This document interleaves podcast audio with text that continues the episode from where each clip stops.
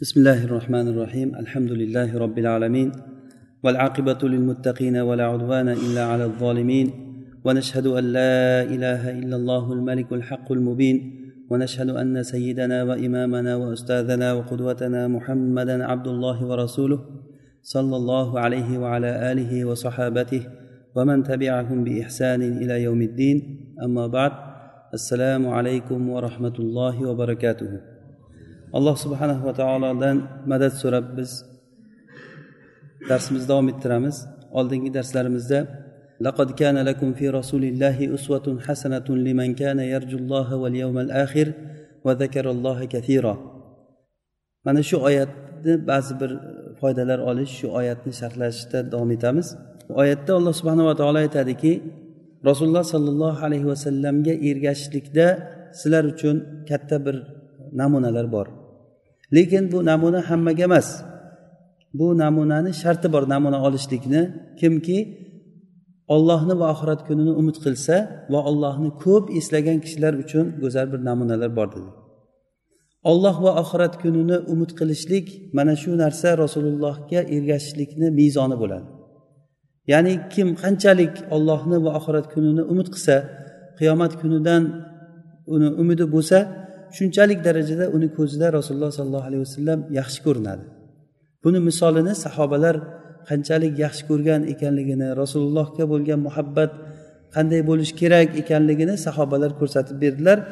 Hattoki bu narsani juda ham misoli hudaybiya sulhi paytida ko'rilindi.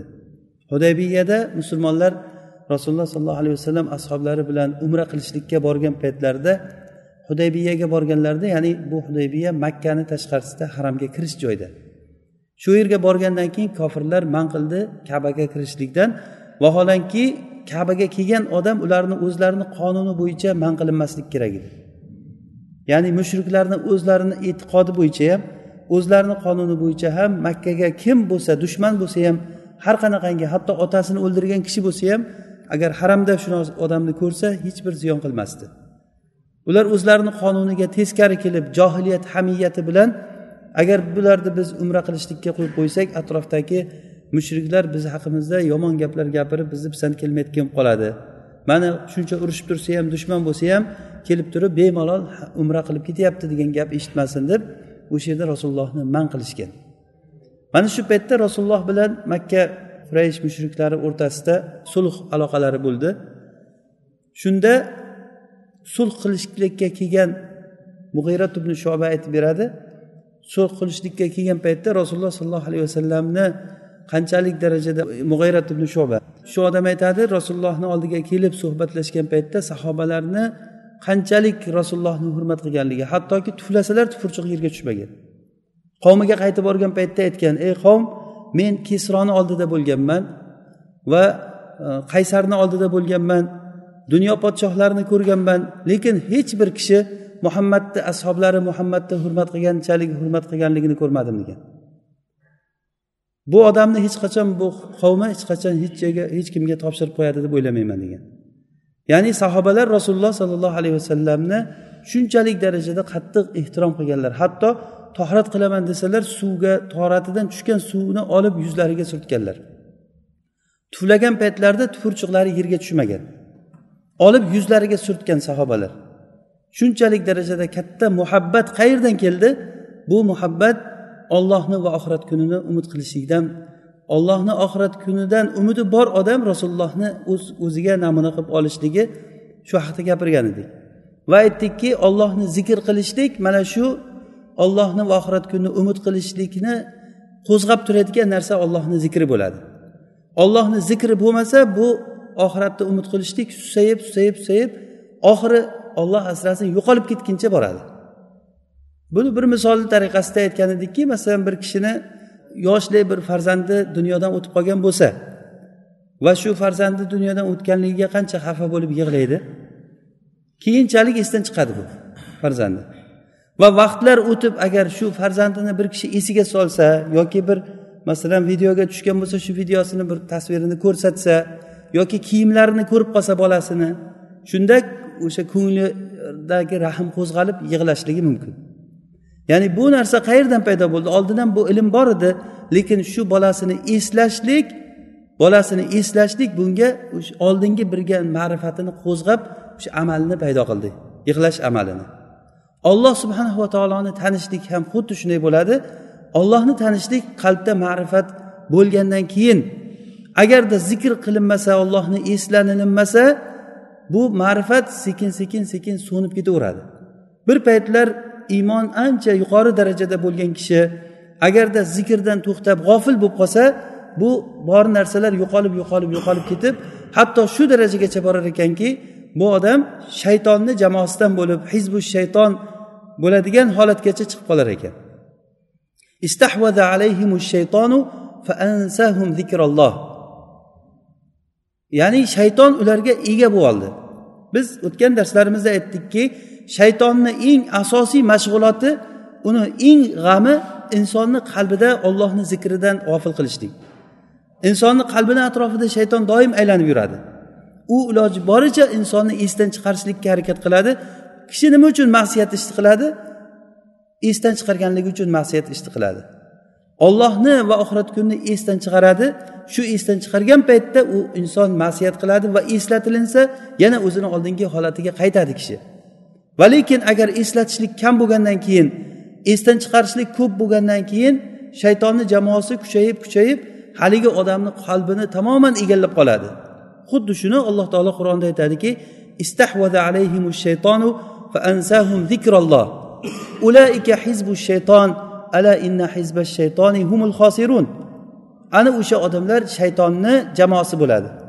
Shaytonni jamoasi ular mag'lub bo'lgan ziyon ko'rgan jamoat ular. Agar bizni ko'zimizda bu dunyoda ba'zi bir manfaatlar ularni qo'lida ko'ringan bilan lekin aslini olganda ular dunyoda ham oxiratda ham haqiqiy ziyon ko'rgan odamlar bo'ladi.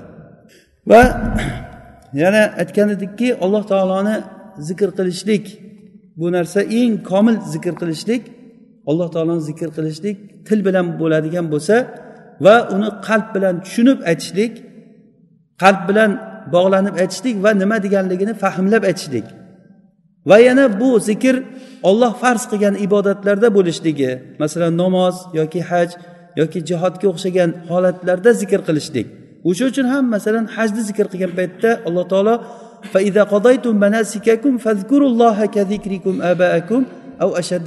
deb hajni qilib bo'lsanglar o'shanda ollohni zikr qilinglar. Yoki namozda mana juma namozini tugatsanglar ollohni zikr qilinglar. Deb aytilingan yoki namoz tugagan paytda mana shu o'zim besh vaqt namozdan keyin ham namoz tugagandan keyin ollohni zikr qilinglar. Agarda sizlar dushmanga yo'liqsanglar ollohni zikr qilinglar sobit turinglar degan mana shu farz ibodatlarda bo'lgan zikrni aytgan edik va aytib o'tgan edikki ollohni namozda zikr qilishlik eng katta zikr bo'ladi. Va qur'on bu zikr.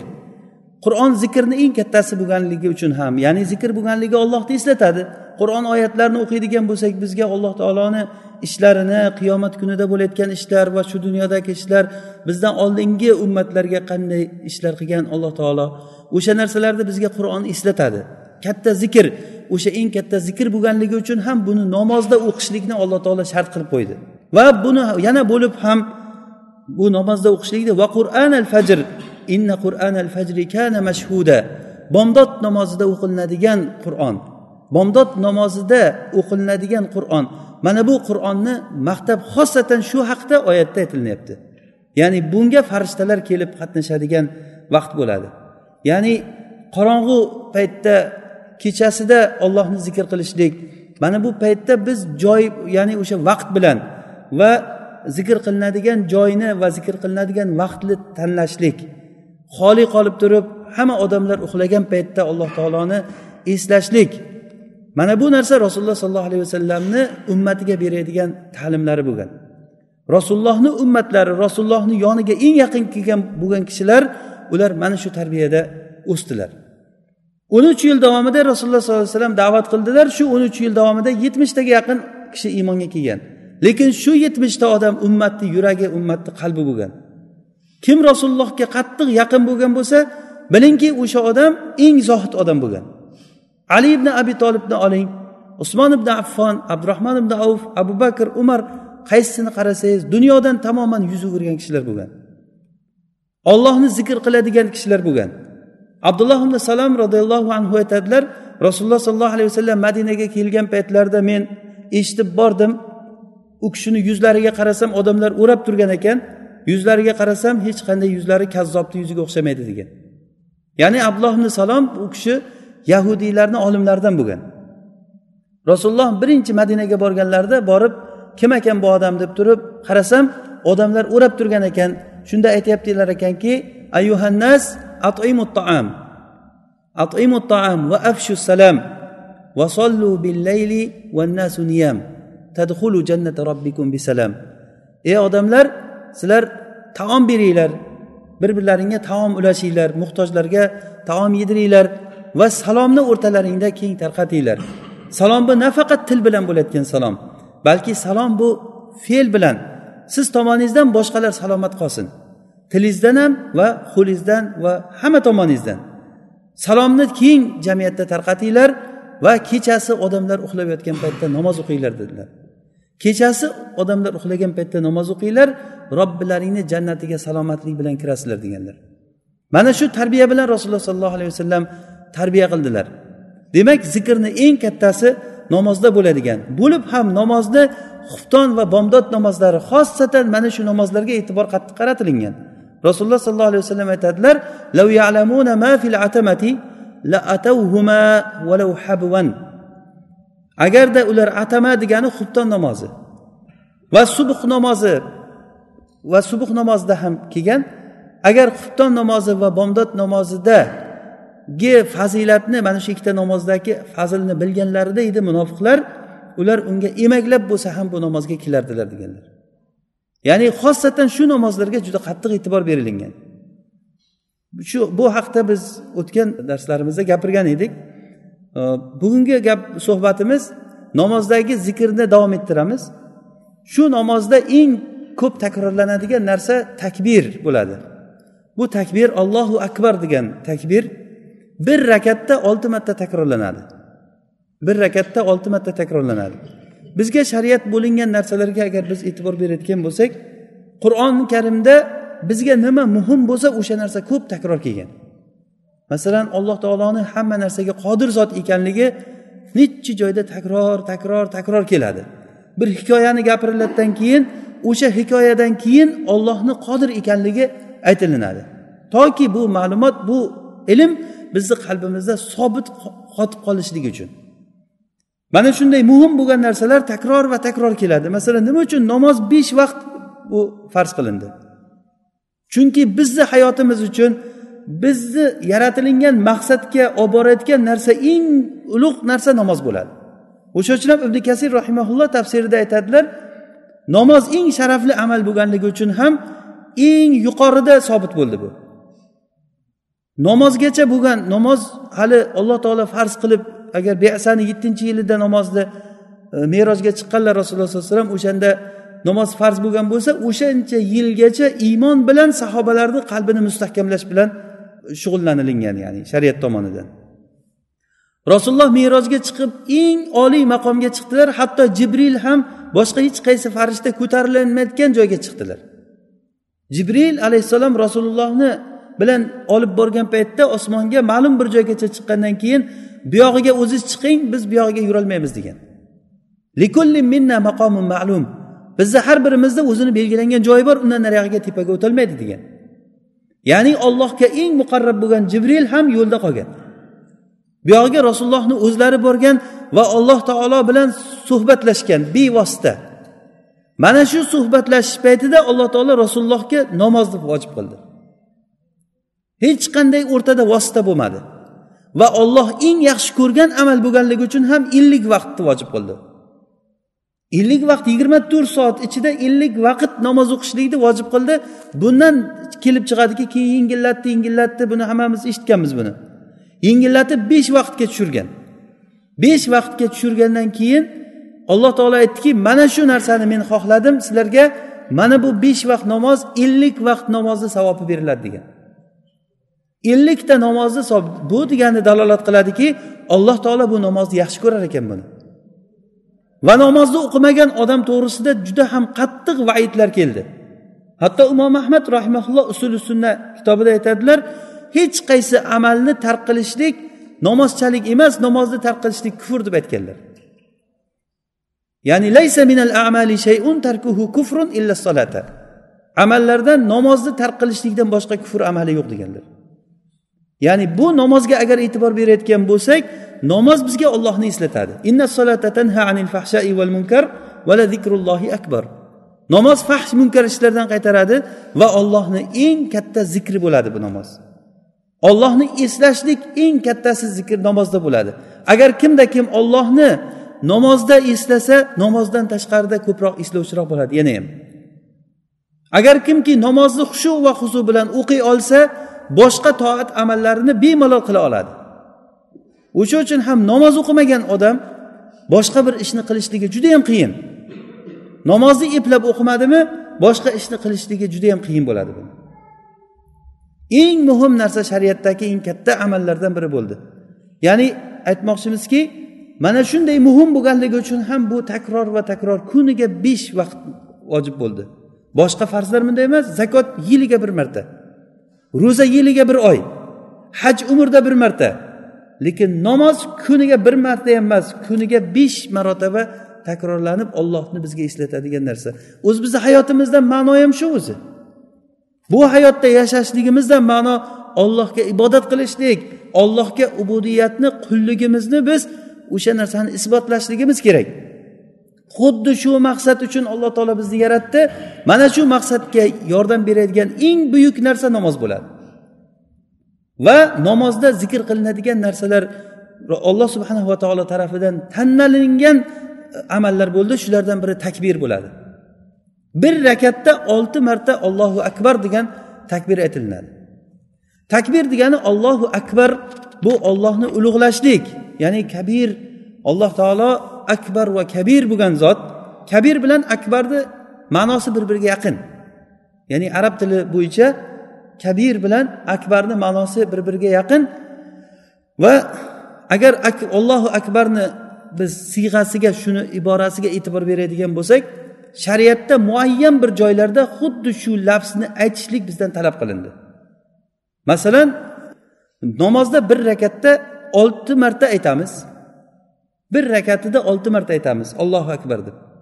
Namoz tugagandan keyin o'ttiz uch marta allohu akbar deymiz. Rasululloh sollallohu alayhi vasallam doim allohu akbarni juda ko'p aytardilar. Agar bir balandlikka chiqsalar allohu akbar derdilar. Yuqoriga chiqsalar bir tepalikka chiqsalar albatta ollohu akbar deb aytardilar. Agar bir xursand bo'ladigan xabarni eshitsalar ollohu akbar deb aytardilar. Hayit kunlarida musulmonlarni holatini ko'rsatib turayotgan islom shiorlarini eng kattalaridan biri ollohu akbar degan ollohu akbar kabiro valhamdulillahi katiro mana shunaqangi siyg'alarda hayit kunlarida hamma har yerdan ollohu akbar degan shiorni ko'tarishlik kerak. Biz bu sunnatdan g'ofil bo'ldik. Hayit kunlari o'tib ketdi bu narsalarga. Qanchalik darajada amal qilindimi namozlardan keyin aytilindi. Ollohu akbar allohu akbar. Aytilindi lekin o'sha narsa aytilingan paytda agar qalbdan chiqib ollohni olloh akbar ekanligini ma'nosini tushungan holatda aytilinsa bunda maqsadga muvofiq ish bo'ladi judayam. Nima uchun bunchalik darajada ollohu akbar ko'p aytilinadigan bo'ldi? Hatto uxlash paytida. Fotima roziyallohu anho rasululloh sollallohu alayhi vasallamni qizlari. Bir kuni oysha onamiz rivoyat qiladilar oysha onamizni oldilariga borgan. Rasulullohdan bir xizmatchi so'rashlik uchun borgan ekan. Shunda rasululloh bir yumush bilan chiqib ketganlar uyda bo'lmagan. Keyin oysha onamizga aytganlarki men ishlab ishlab qo'llarim yorilib ketyapti degan mehnat qilganligidan qo'llari qavarib yorilib ketgan ekan. Juda qiynalib ketdim. Otam kelsa ayting menga bitta xizmatchi bersin degan. Shunda ketgandan rasululloh sollallohu alayhi vasallam keldilar. Oysha onamiz aytdiki qizingiz fotima keldi. Shunaqa shunaqa deb aytdi. Deganlarida rasululloh sollallohu alayhi vasallam chiqib fotimani uyiga bordi. Kech bo'lib qolgan edi. Ali bilan ikkalasi to'shakda yotgan holatda bo'lgan ekan. Shunda rasululloh izn so'rab kirdilar. Ular o'rnlaridan turib ulgurmaganda turmanglar joylaringda yotinglar degan. Borib ikkovsini o'rtasiga o'tirdilar degan. Hatto rasulullohni oyoqlarini salqinligi yoqimli salqin bo'lgan rasulullohni oyoqlari meni ko'kragimga tegib turardi degan. Rasululloh o'tirdilardan keyin sen borib mendan xizmatchi so'rab borgan ekansan. Men sizlarga bitta narsani o'rgataman agar shuni qilsanglar xizmatchiga hojatlaring bo'lmaydi degan. Har kuni to'shakka yotgan paytingda o'ttiz to'rt marta ollohu akbar deb ayt degan. o'ttiz uch marta subhanalloh o'ttiz uch marta alhamdulillah. Ba'zi rivoyatlarda xuddi namozdagiday o'ttiz uch marta subhanalloh o'ttiz uch marta alhamdulillah o'ttiz uch marta allohu akbar deb ayt degan. Agar shuni qilsang agar shuni qiladigan bo'lsang xizmatchiga muhtoj bo'lmaysan degan. Abu davud rahimaulloh rivoyat qilgan hadisda keladi. Sahobalarni kambag'allari rasulullohni oldiga shikoyat qilib borishgan. Shunda borib aytdilarki ey rasululloh zahaba ahli dusuri bil ujur degan. Ya'ni boylik ahllari boylar hamma ajrni olib ketib qoldi degan. Qanaqasiga nima deyapsizlar? deganda aytdilarki ular biz namoz o'qiymiz ular ham namoz o'qiydi. Biz ro'za tutamiz ular ham ro'za tutadi. Lekin ular sadaqa qilyapti biz sadaqa qilolmayapmiz ularni ajri ular hamma ajrni ular olib ketib qolyapti. Sahobalarni hirsini qarang ajr olishlikka.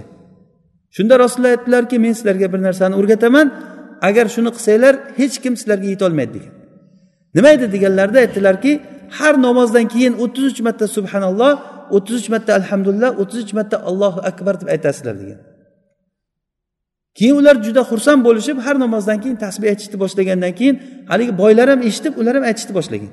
Shunda rasululloh kelib ey rasululloh endi ular ham aytyapti tasbehlarni deganda rasululloh aytdilarki bu ollohni fazli olloh xohlagan kishisiga beradi degan. Ya'ni allohu akbar degan shu siyg'a shu tasbeh shu takbir qancha o'rinlarda aytilinadi. Namozni boshlash paytida takbiratu tahrima deyiladi allohu akbar deb namoz boshlanilinadi va aksar fuqarolar aytganki shu lafzdan boshqasi joiz emas namozda degan agar ba'zi fuqarolar ta'zimga ifoda qiladigan ollohu azam allohul kabir deb boshlashlik joiz degan bo'lsalar ham lekin aksar fuqarolar bu joiz emas ollohu akbardan boshqasi joiz emas degan. Ya'ni buni allohu alam siri shu bo'lsa kerakki ollohu akbar degan ma'noni shu akbarni ma'nosini boshqa narsada ifoda qilib bo'lmaydi. Ya'ni ollohu akbar degani ollohu azom deb tafsir qilinadi. To'g'ri ollohu azom degani ollohu akbarni ba'zi ma'nosi. Lekin ollohu akbarda undan ko'ra ko'proq ma'no bor.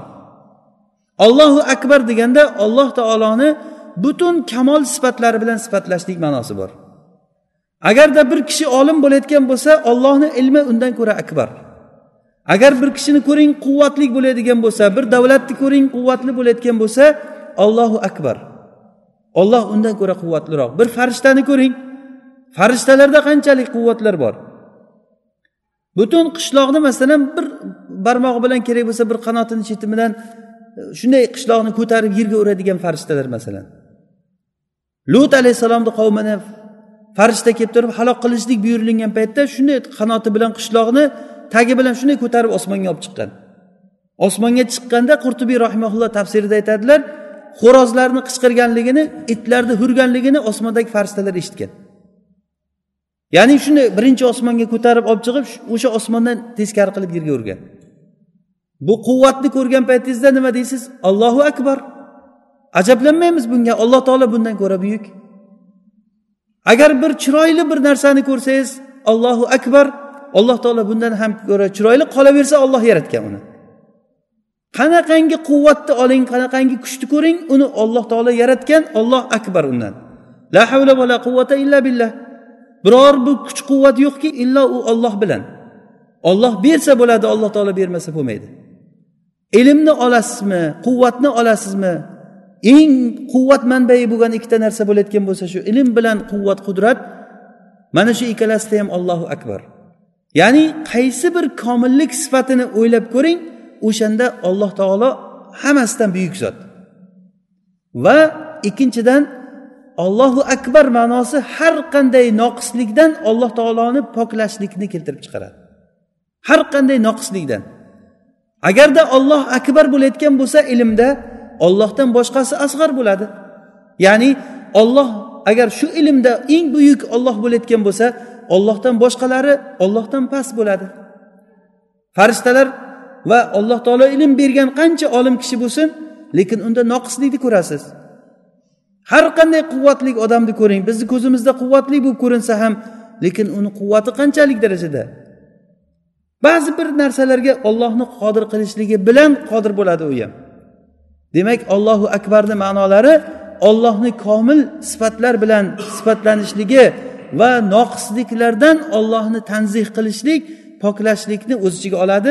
Mana bu o'z ichiga olganligi uchun ollohu akbarni ma'nosini boshqa tasbih uni ifoda qilolmaydi buni ichiga ollohni akbarni ichiga ollohni ham maqtash ham alloh taoloni tasbih qilishlik ollohni noqisliklardan poklashlik ma'nosi ollohu akbarni ichiga kiradi.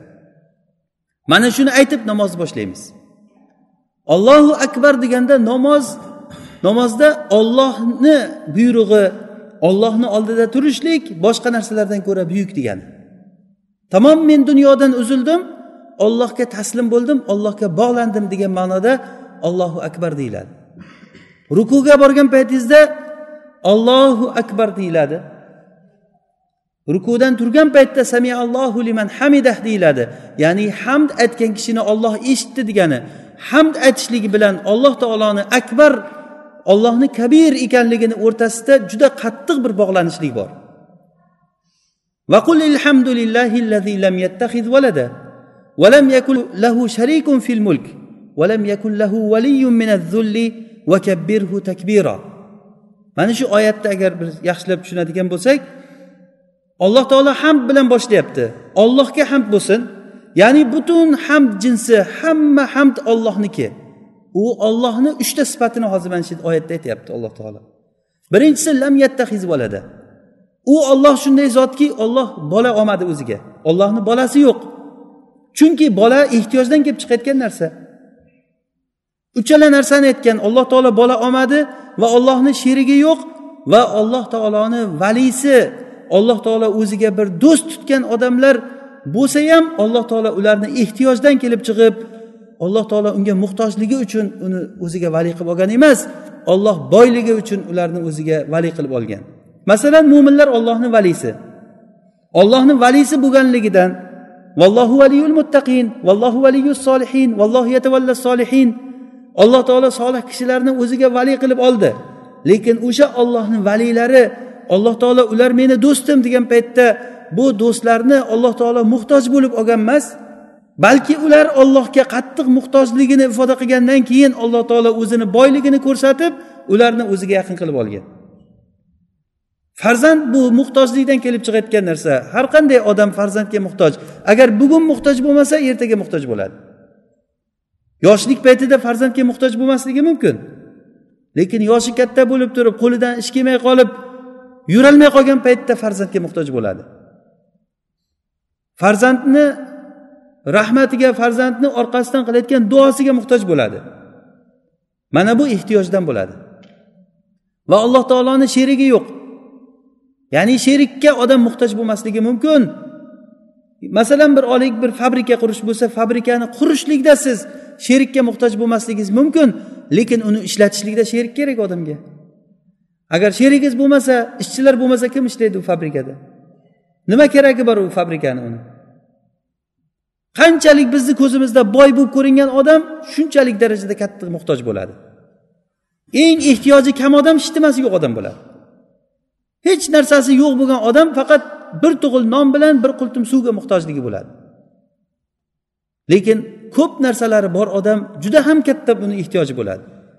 Alloh taolo farzand olmadi o'ziga va alloh taoloni sherigi yo'q va ollohni valisi yo'q lekin valiylari bor. Ular valiyu minazzulli degani alloh taolo valisini muhtoj bo'lganligidan vali olgan emas. Inson o'ziga do'st qilishlikka masalan davlatlar ba'zi bir boshqa bir davlatlar bilan do'st tutinishlikka muhtoj bo'ladi chunki bu do'stligi xorlikdan kelib chiqadi. Ertaga uchinchi davlat kelib turib meni bosib olmasin deb turib o'ziga boshqa bir do'st topishlikka harakat qiladi. Alloh taoloni do'stlari bor lekin u do'stlar bunaqangi ehtiyojdan kelib chiqqan do'stlar emas. Mana shuncha sifatlarni uchta sifatni aytib turib shundan keyin alloh taolo vakabbirhu takbiro deyapti. Alloh taolo mana shunaqangi ayb nuqsonlardan pok zot mana shunday pokligi ya'ni insonni qanchalik darajada kuchi ko'p mutakabbir bo'lib ko'rinsa ham inson lekin oxirida bu odamni qilayotgan mutakabbirligi o'ziga ham o'zgaga ham ziyon bo'lgan paytda u la'natga uchraydi u odam. Ya'ni qiyomat kunida ollohdan o'zgaga ibodat qilgan odamlar o'sha olihalarini la'natlaydi. Ollohni qonunidan boshqa qonunni tuzib berib odamlarni o'shanga majbur qilgan kishilar ular qur'on tili bilan aytilinganda malun odamlar. Ulaika yalanuhumullohu va yalanuhumul lainun. Ana shu odamlarni olloh la'natlaydi va olloh la'natlaydi. Va la'natlovchilarni hammasi la'natlaydi. Farishtalar ham maxsus la'natlaydigan farishtalar bor. Ular la'natlaydi o'sha odamlarni. Abdurahmon ibn nosir sadiy rahimaulloh tafsirida aytadilarki sababi ularni ziyoni hammaga tegdi shuning uchun ham al jazau min jinsil amal ularga la'nat hamma tarafdan keladi. Ya'ni o'zlarini kuchli qilib ko'rsatgan odamlar ertaga ozroq vaqtdan keyin hammani la'natiga uchraydi. Lekin olloh subhanahu va taolo eng kuchli zot va bu kuchi quvvati bilan oxirida maqtovga sazovor zot. Alloh taoloni kuch quvvatidan bizga hozir uchta misol keltiryapti. Bola olmaganligi sherigi yo'qligi va ollohni xorlikdan kelib chiqqan do'stlik do'stini yo'qligi mana bu narsalar evaziga alloh taolo va kabbirhu takbiro alloh akbar bo'lgan zot. Oxir oqibatda ollohning bu buyukligi bilan alloh taolo yana maqtaniladi. Dunyodagi quvvat egalari oxir oqibatda la'natlaniladi. Bir qancha payt dunyoni jabborlik bilan boshqarib butun odamlar u kulsa ham chapakcha olib o'tirsa ham chapakcha olib tursa ham chapakcha olib turgan odamlar u odam o'lishligi yoki taxtdan tushishligi bilan uni la'natlashlikni boshlaydi. Yuzi burilishligi bilan shu oldidan chiqishligi bilan so'kib ketaveradi. Nimaga? Chunki ularning kuch quvvati hammasi soxta bo'lganligi uchun. Illo alloh subhanahu va taoloni kuch quvvati alloh taoloning boyligi haqiqiy boylik bo'lganligi uchun. Shuning uchun ham alloh taolo hamdiga sazovor zot.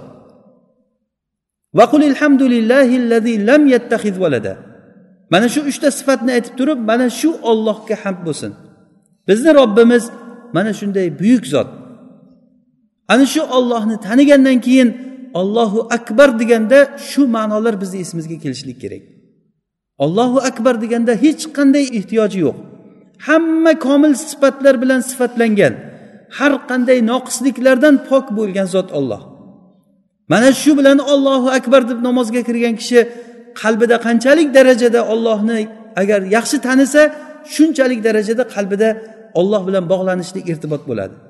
Va uni namozidagi xushu va huzusi mana shuni miqdorichalik bo'ladi. Imom qurtubiy rahimaulloh shu oyatni vakabbirhu takbiro oyatini tafsir qilib vakabbirhuni tafsir qilib aytadiki ay azimhu azamatan tammatan degan. Ya'ni ollohni tamomiy buyukladigan. Va keyin aytadilarki arab lug'atida ollohu akbarchalik biror bir ollohni ulug'laydigan lug'at yo'q degan. Ollohu akbar degan siyg'a mana shu tasbeh deymiz shu iborachalik ollohni ulug'laydigan birorta kalima arab tilida yo'q degan. Eng ulug' kalima mana shu kalima bo'ladi. Imom nisaburiy rahimaulloh g'aroibul qur'an kitobida aytgan ekanlarki takbir bir qancha navlik bo'ladi. Takbir ya'ni ollohni ulug'lashlik bir qancha navlik. Birinchisi olloh taoloni sifatlarida ulug'lashlik. Agarda kimki olloh taolo ba'zi narsalarga qodir emas desa u ollohni akbar demadi. Agarda kimki alloh taolo ba'zi bir qilayotgan ishlarimizni bilmaydi desa u ollohu akbar degan gapida yolg'onchi bu odam alloh taoloni bolasi bor degan odamlar ollohu akbar demadi. Alloh taolo muhtoj ba'zi bir avliyolarga muhtoj ba'zi bir qutblarga muhtoj degan aqidadagi kishilar alloh taolo bu koinotni ishini qilishlik uchun hamma narsaga o'zini vaqti yetmaydi va shuning uchun alloh taolo yordamchilar oladi o'ziga deb ollohni subhanahu va taoloni dunyo podshohlariga qiyoslab turib ular ollohga yordamchilar qilib ba'zi bir avliyolarni ollohga yordamchi deb koinot ishlarini boshqaradi deb e'tiqod qilgan odamlar ollohu akbar degan bu gapdan ancha yiroqdagi odamlar ular. Tamoman bu kalimani yaqiniga kelmagan odamlar. Biz ollohu akbar allohu akbar allohu akbar deb aytishligimiz juda ham oson. Lekin buni ma'nosini agar o'ylab ko'rayotgan bo'lsangiz takbir ollohni ulug'lash ollohni sifatlarida ulug'lashlik bo'ladi. Va yana bir takbirni navi alloh taoloni hukmda ulug'lashlik bo'ladi. Agar kimda kim ollohni akbar dedimi demak ollohni hukmi hamma hukmdan ustun degan gap bu. Agar kimda kim e'tiqod qilsaki ollohdan boshqani hukmi ollohni hukmidan ustun desa ollohu akbar demadi bu odam. Balki buni buzadigan gapni gapirdi. Ollohu akbar deb minoralar ustida alloh taolo nido qilinishlikni bizga har kuni besh marta eng kamida bo'lmasa tahajjudga ham aytilinsa yana bitta qo'shiladi. Juma namoziga ham azon aytilishlikda ollohu akbar deb boshlanadi va takror va takror minoralardan qattiq mana hozirgi mikrofonlardan mukabbirot savtdan aytilinadi. Bu narsa butun xalq eshitsinki ollohni hukmi hammani hukmidan ustun degani. Ollohni quvvati hammani quvvatidan ustun degani. Eshitsin ollohni dushmanlari bu narsalarni. Bu takbirni eshitgan paytda hammani yuragi larzaga kelishi kerakki ollohu akbar dedimi? Olloh ulug' har qanday sayyiddan har qanday xo'jayindan har qanday muhim ishingizdan olloh ulug' shuning uchun ham namozga chaqirilgan paytda ollohu akbar deb chaqiriladi. Va azonni oxirida ham allohu akbar allohu akbar yana takrorlaniladi. Namoz boshlash paytida iqomatda yana allohu akbar deb boshlaniladi. Iqomat tugagandan keyin namozni boshlashda takbir tahrima bilan namoz boshlaniladi. Va boshlab bir rakatda olti marta allohu akbar takrorlaniladi. Bu narsa ollohu akbarni ma'nosi bizni shuni tushunib aytadigan bo'lsak ko'p biz katta bir manfaatli narsaga erishgan bo'lamiz. Xuddiki imom nisaburiy rahimaulloh aytganlaridek bu takbir bir qancha navlik bo'ladi. Shulardan biri hukmda ollohni ulug'lash degan. Agar ollohni hukmlari hozirga bizga to'g'ri kelmaydi desa ollohu akbar demadi bu odam. Ollohni hukmlari to'g'ri kelya lekin ba'zi joylari adolatdan emas desa. Xuddiki alloh taoloni xabarlari qanchalik sidiq bo'lgani kabi. Ollohni hukmlari ham xuddi shunday adolat va sidiqdan iborat. Vatammat kalimatu robbika sidqan va adla la mubaddila li kalimatih olloh robbingni kalimalari sidiq va adolat jihatdan tamomiy nihoyasiga yetgan. Sidiq ya'ni xabarlarida alloh taoloni gapi sidiq. Qaysiki bir xabarni berdimi ishonavering u xuddi olloh xabar berganday bo'lgan. Va qaysiki bir hukmni qildimi e'tiqod qilaveringki bu hukmdan adolatli hukm yo'q. Alloh taolo adolatli hukm qilgan narsalari har biri adolatli bo'ladi. Endi bu yerdan chiqib turib mo'minman degan davo qilgan odamlar qanday iymon bilan qaysi bir yuz bilan aytadiki yo'q mana bu narsa hozirga to'g'ri kelmaydi deb. Ollohni hukmiga shunchalik darajada osonlik bilan ollohni hukmlarini aylanib o'tib ketishlik yoki ollohni hukmlarini tamomiy inkor qilishlik odamlarga oson bo'lib qoldi. Buni eshitib o'tirgan odamlar ham bemalol u narsani qabul qiladigan bo'lib qoldi. Biz dinsiz kofirlarni ollohga qarshi chiqqan odamlarni gapirmaymiz. Masjidga kelib turib namoz o'qib yurgan hojilar yoki boshqa bir iymonni davo qilgan odamlar haqida gapiryapmiz ba'zi kishilar haqida. Ollohni shariatini ba'zisini qabul qiladi ba'zisini qabul qilmaydi. To'g'ri bilaman buni deydi. Lekin bu hozirgi emas deydi. Alloh taoloni shariati tamomiy o'sha muhammad sallallohu alayhi vasallamga yuborilgandan boshlab al yavma akmaltu lakum dinakum oyatini nozil bo'lganidan qiyomat kunigacha bu shariat ketishi kerak.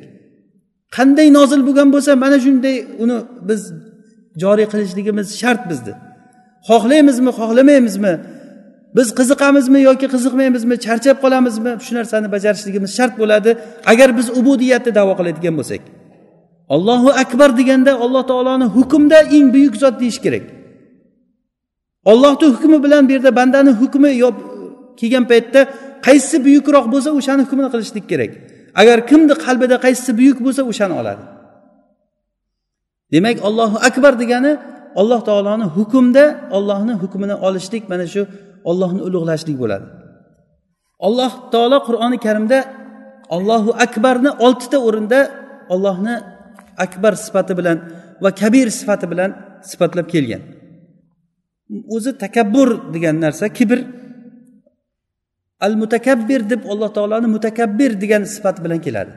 Lekin bu yerda mutakabbir sifati inson bilan alloh taoloni o'rtasida sifatlanishlikda inson agar mutakabbir sifati bilan sifatlansa insonga bu mazammatlik bir e, sifat bo'ladi alloh taologa loyiq sifat bo'ladi bu. Nega? Chunki takabbur degani arab tilida tafaul vaznidan chiqqan. Tafaul deganligi o'zida yo'q narsani ko'rsatish degan ma'noni beradi. Takalluf ya'ni takabbaro degani o'zida yo'q bo'lgan kattalikni kibrni bor qilib ko'rsatdi degani. Xuddiki arab tilida masalan tasobbaro degani o'zini sabrli qilib ko'rsatdi. Tahallama degani o'zini halim qilib ko'rsatdi. Vaholanki unda halimlik sifati yo'q bu odam o'zini halim qilib ko'rsatyapti. Inson o'zi yaratilishlikdan muhtoj qilib yaratilingan. Ya ayyuhannas antumul fuqarou ilalloh vallohu huval g'aniyul hamid. Ey insonlar sizlar ollohga muhtojsizlar. Olloh g'aniyul hamid bo'lgan zot deb aytyapti alloh taolo. Inson yuzga yuz muhtoj. Yuzga yuz muhtoj inson. Hattoki insonni muhtojligi shunchalik kattaligidan alloh taolo ya ayuhannas antum fuqarou deb nakra aytmasdan uni ma'rifa qilib turib antumul fuqarou ey insonlar sizlar eng muhtoj Sizlar xuddiki bu degani sizlardan boshqa muhtoj emas deganday. Vaholanki o'zi maxluqotlar hammasi muhtoj. Masalan farishtalar muhtoj emasmi? Farishtalar ham muhtoj hayvonlar ham muhtoj lekin insonni ehtiyojichalik muhtoj emas ular. Inson yeb ichishlikka ehtiyoji bor farishtalarni yeb ichishlikka kiyim kiyishlikka ehtiyoji yo'q ularni. Insonga uy kerak bir tovuqqa bir don ham don ham suv deb aytadiku bizda.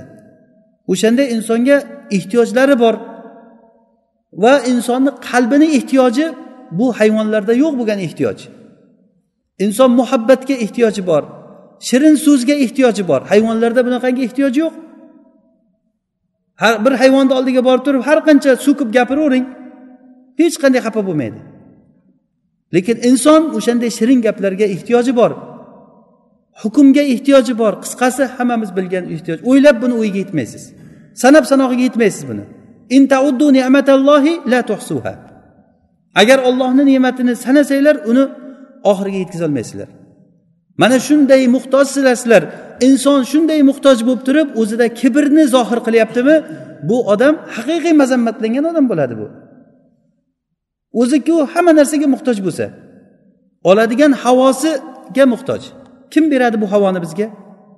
Ichadigan suv bir qultum suvga agar hamma narsasini almashadi kerak bo'lsa. Horun rashid salaflardan bir kishi horun rashidni oldiga kirgan paytda horun rashid suv olib kelishlikni buyurgan ekan.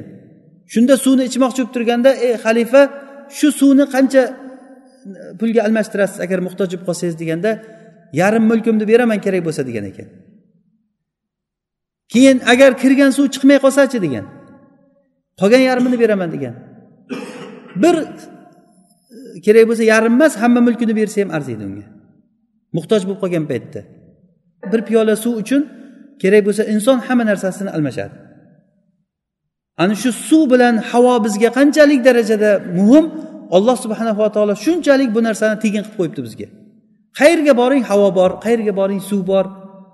Bizni ehtiyojimiz shunchalik katta bo'lib turib muhtoj bo'lib turib yana o'zini katta olib turib odamlarga men kattaman yana qarasa hech kim indamayapti bunga kattaman deganiga men sizlarga podshohman dedi hech kim indamadi men sizlarni robbilaringman endi devordi inson.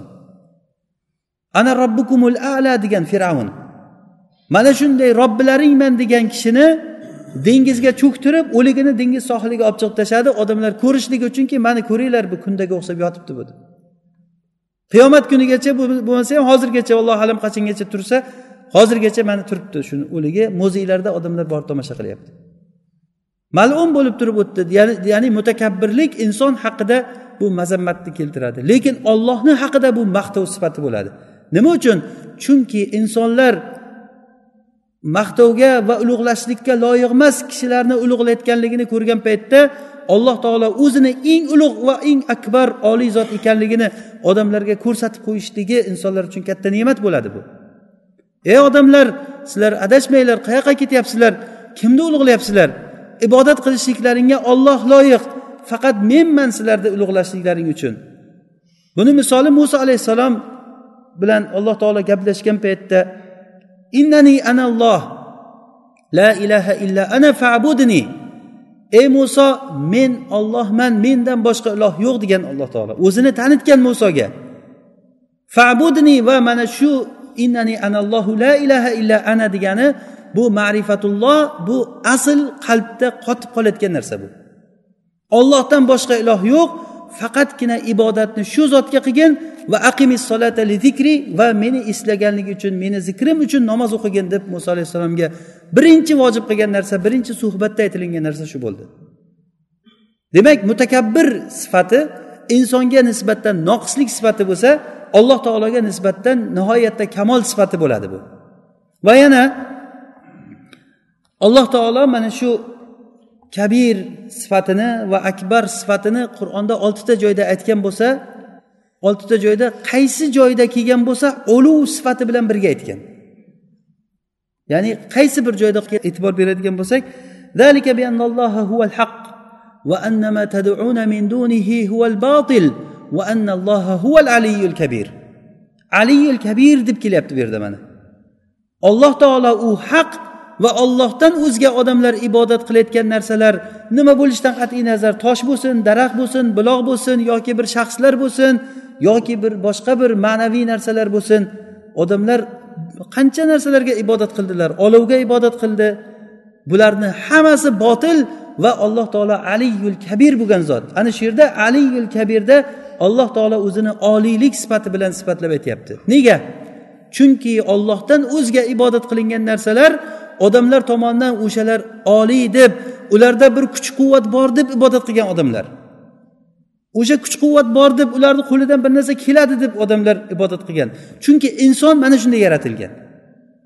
Inson o'z uz o'zidan muhtoj o'z uz o'zidan qalbi bilan boshqa narsaga intiluvchi qilib yaratilingan.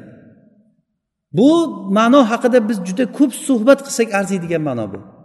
Qalbimizda ollohni kabirul mutaal ekanligi agar qalbimizda joy olmasa bu qiladigan ibodatlarimizda biz yurgan turishimizda foyda bo'lmaydi hayotimizda quruq gap bo'lib qoladi hamma narsa. Olloh olloh deb turib til bilan aytgan bilan lekin qalbi bilan boshqa narsaga suyansa odam qalbida boshqa pulga yoki mansabga yoki boshqa bir qarindoshlariga suyanadigan bo'lsa bu qilayotgan ishidan manfaat bo'lmaydi. O'sha uchun alloh subhanava taolo qayerda o'zini kabir sifati kelsa bu luqmon surasida ham xuddi shu oyatni takrori kelgan.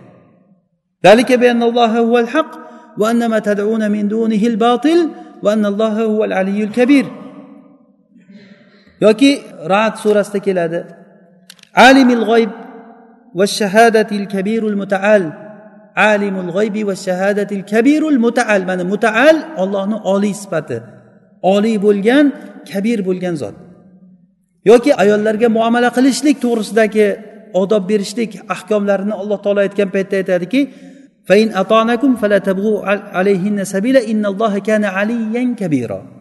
o'shanda ali bilan kabir sifatini birga keltiryapti. Nima uchun? Chunki inson ayollarga nima uchun zulm qiladi? O'zini ustun deb ko'rganligi uchun zulm qiladi. Rasululloh sollallohu alayhi vasallam aytadilarki uharrijukum daifayn al yatimi val mar'a men sizlarni ikkita zaif toifani haqqidan sizlarni men shundan ehtiyot bo'lishliklaringni talab qilaman. Yetim bilan yetim bilan ayol kishi degan. Ya'ni bular zaif bo'lganligi uchun kuch quvvat tarafdan zaif bo'lganligi uchun va yetimni orqasida so'raydigani bo'lmaydiganligi uchun bemalol odamlar o'shalarga zulm qilaveradi. Mana shu ikkita toifani men sizlardan zulm qilishliklaringdan ehtiyot bo'lishliklaringni talab qilaman dedilar. Ya'ni inson ayollarga nima uchun zulm qiladi? Quvvatliman deb o'ylaganligi uchun mana shu o'y borligi uchun ham alloh taolo tarbiya berish paytida ollohni ali degan sifati va kabir degan sifatini birga keltirdi فإن أطعنكم فلا تبغوا عليهن سبيلا إن الله كان عليا كبيرا mana shu yerda qarang e'tibor bering alloh taolo ali va kabir sifati bilan kelyapti innallazina kafaru ينادون لمقت الله أكبر من مقتكم أنفسكم إذ تدعون إلى الإيمان فتكفرون قالوا ربنا أمتنا اثنتين وأحييتنا اثنتين فاعترفنا بذنوبنا فهل إلى خروج من سبيل الآيات يعني ذلكم بأنه إذا دعي الله وحده كفرتم وإن يشرك به تؤمنوا فالحكم لله العلي الكبير mana bu yerda ham o'sha oyatni oxirida aliyul kabir kelyapti ya'ni bu oyatni qisqacha ma'nosini aytsak sizlar qiyomat kunida alloh taolo do'zaxga kirib bir birini la'natlaydigan odamlarga qarab aytadiki sizlarga agar ollohga ibodat qilinglar desa unamadilaring. Ya'ni ular innallazina kafaru yunadawna lamaqtullohi akbaru min maqtikum anfusakum. Ya'ni do'zaxda yonadigan do'zaxga kirgan kofirlarga nido qilinadiki sizlar olloh sizlarni yomon ko'rishligi sizlar o'zlaringni o'zlaring yomon ko'rganlaringdan ko'ra kattaroq. Shu oyatga ozroq to'xtalamiz. Ya'ni ollohni hukmini olmasdan alloh taoloni toatini qilmasdan kofir bo'lib osiy bo'lib hatto do'zaxga tushgan odamlar nima sababdan ular alloh taologa toat qilmadi? Chunki ular ollohdan boshqalarni akbar deb o'ylagan. Nima sababdan boshqa hukm bilan hukm qildi? Chunki o'sha hukm ollohni hukmidan ko'ra kattaroq va to'g'riroq deb o'ylagan.